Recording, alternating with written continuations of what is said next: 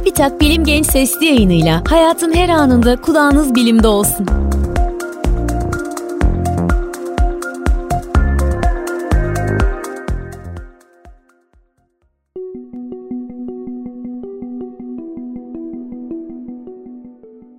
Gençler merhaba, ben Levent Kurnaz.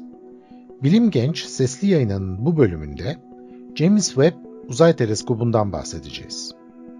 Öncelikle James Webb Uzay Teleskobu'ndan gelen ilk resimleri bekleyen arkadaşlara kısa bir bilgi vereyim. İlk düzgün görüntüleri 2022 yazından önce görmeyi pek beklemeyin. Bu sesli yayında aslında James Webb'i yörüngesine yerleştirmenin neden zor olduğunu ve bu teleskobun diğerlerinden farklarını anlatacağım. Son senelerde NASA ve Avrupa Uzay Ajansı 3 değişik uzay teleskobunu uzaya fırlattı. Bunların ilki Hubble'dı. Hubble hala dünya yörüngesinde çalışıyor. İkincisi Kepler Uzay Teleskobu'ydu ve Kepler görevini 2018 yılında tamamladı.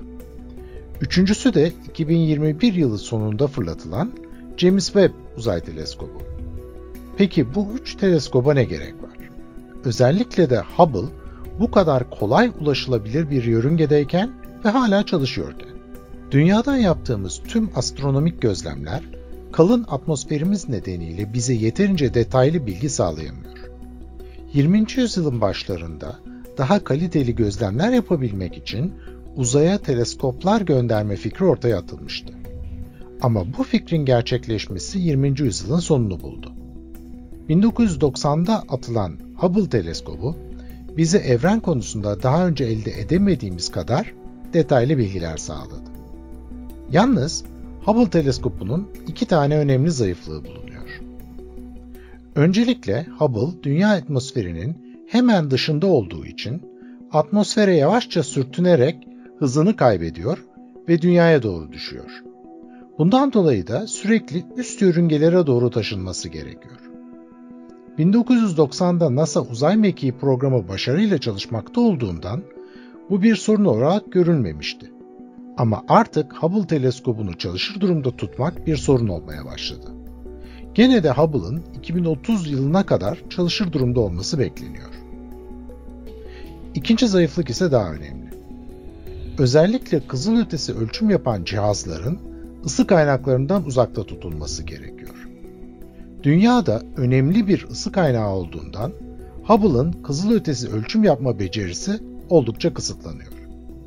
Ayrıca 1990'dan bugüne gelişen teknoloji de yeni bir teleskobun varlığını gerekli kıldı. Hubble'dan sonra NASA, Kepler Uzay Teleskobu'nu fırlattı. Kepler dünya yörüngesinde değil, Güneş'in yörüngesinde. Ama dünyanın hemen ardından gelecek bir şekilde hareket ediyor.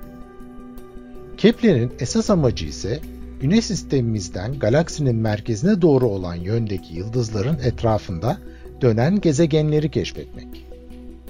Yalnız bulunduğu yörüngede gözlem yapabilmek için oldukça fazla yakıt harcaması gerekiyor. Dolayısıyla Kepler ancak çok kısıtlı bir süre gözlem yaptı ve Johannes Kepler'in 388. ölüm yıl dönümüne denk gelen 15 Kasım'da emekliye ayrıldı. Bilim insanları Kepler'den gelen verileri hala inceleyerek yeni gezegenler keşfediyorlar. James Webb ise daha değişik bir yörüngede olmak için fırlatıldı. Bildiğiniz gibi sadece iki cisimden oluşan sistemlerin hareketi matematiksel olarak hesaplanabilir. Ancak benzer büyüklüğe sahip 3 veya daha fazla cismin hareketini matematiksel kesinlikle belirlemek mümkün değildir. Bu tür sistemlerde çözümlere ancak basitleştirmeler yoluyla ulaşılabilir. Mesela bu üç cisimden ikisi büyük, biri de çok küçükse, o zaman çözüm nispeten kolaylaşır. Dünya Güneş sisteminde enerji harcamadan dünyaya yakın bir noktada dönmek ve bu noktayı da zaman içerisinde korumak mümkündür. Kütle çekimsel olarak Güneş dünya çizgisinde biri arada, diğeri de dünyadan dışarı doğru iki denge noktası bulunur. Bu denge noktalarına Lagrange noktaları adı verilir. Lagrange noktalarına konulacak cisimler Güneş'in etrafında dünyanın döndüğü süreye eşit zamanda dönerler. Dışarıdaki Lagrange noktasına L2 adı verilir ve bu nokta dünyadan yaklaşık 1,5 milyon kilometre dışarıdadır. James Webb teleskobu da şu anda o noktaya doğru hareket ediyor. James Webb'in dünyadan bu kadar uzağa konuşlanması ve ısı kalkanıyla donatılmasının sebebi de Hubble ile kıyaslandığında çok daha gelişmiş kızılötesi ölçüm kabiliyetine sahip olmasıdır. James Webb teleskobu çalışırken mutlak sıfırın sadece 50 derece üzerinde bir sıcaklıkta olacak.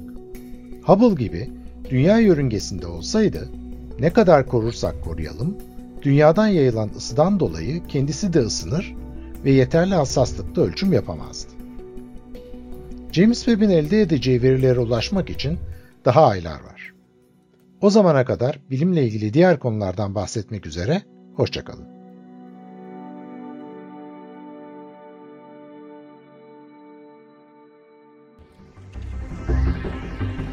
Bilim Genç sesli yayınlarını SoundCloud, Spotify, Google ve Apple Podcast kanallarımızdan takip edebilirsiniz.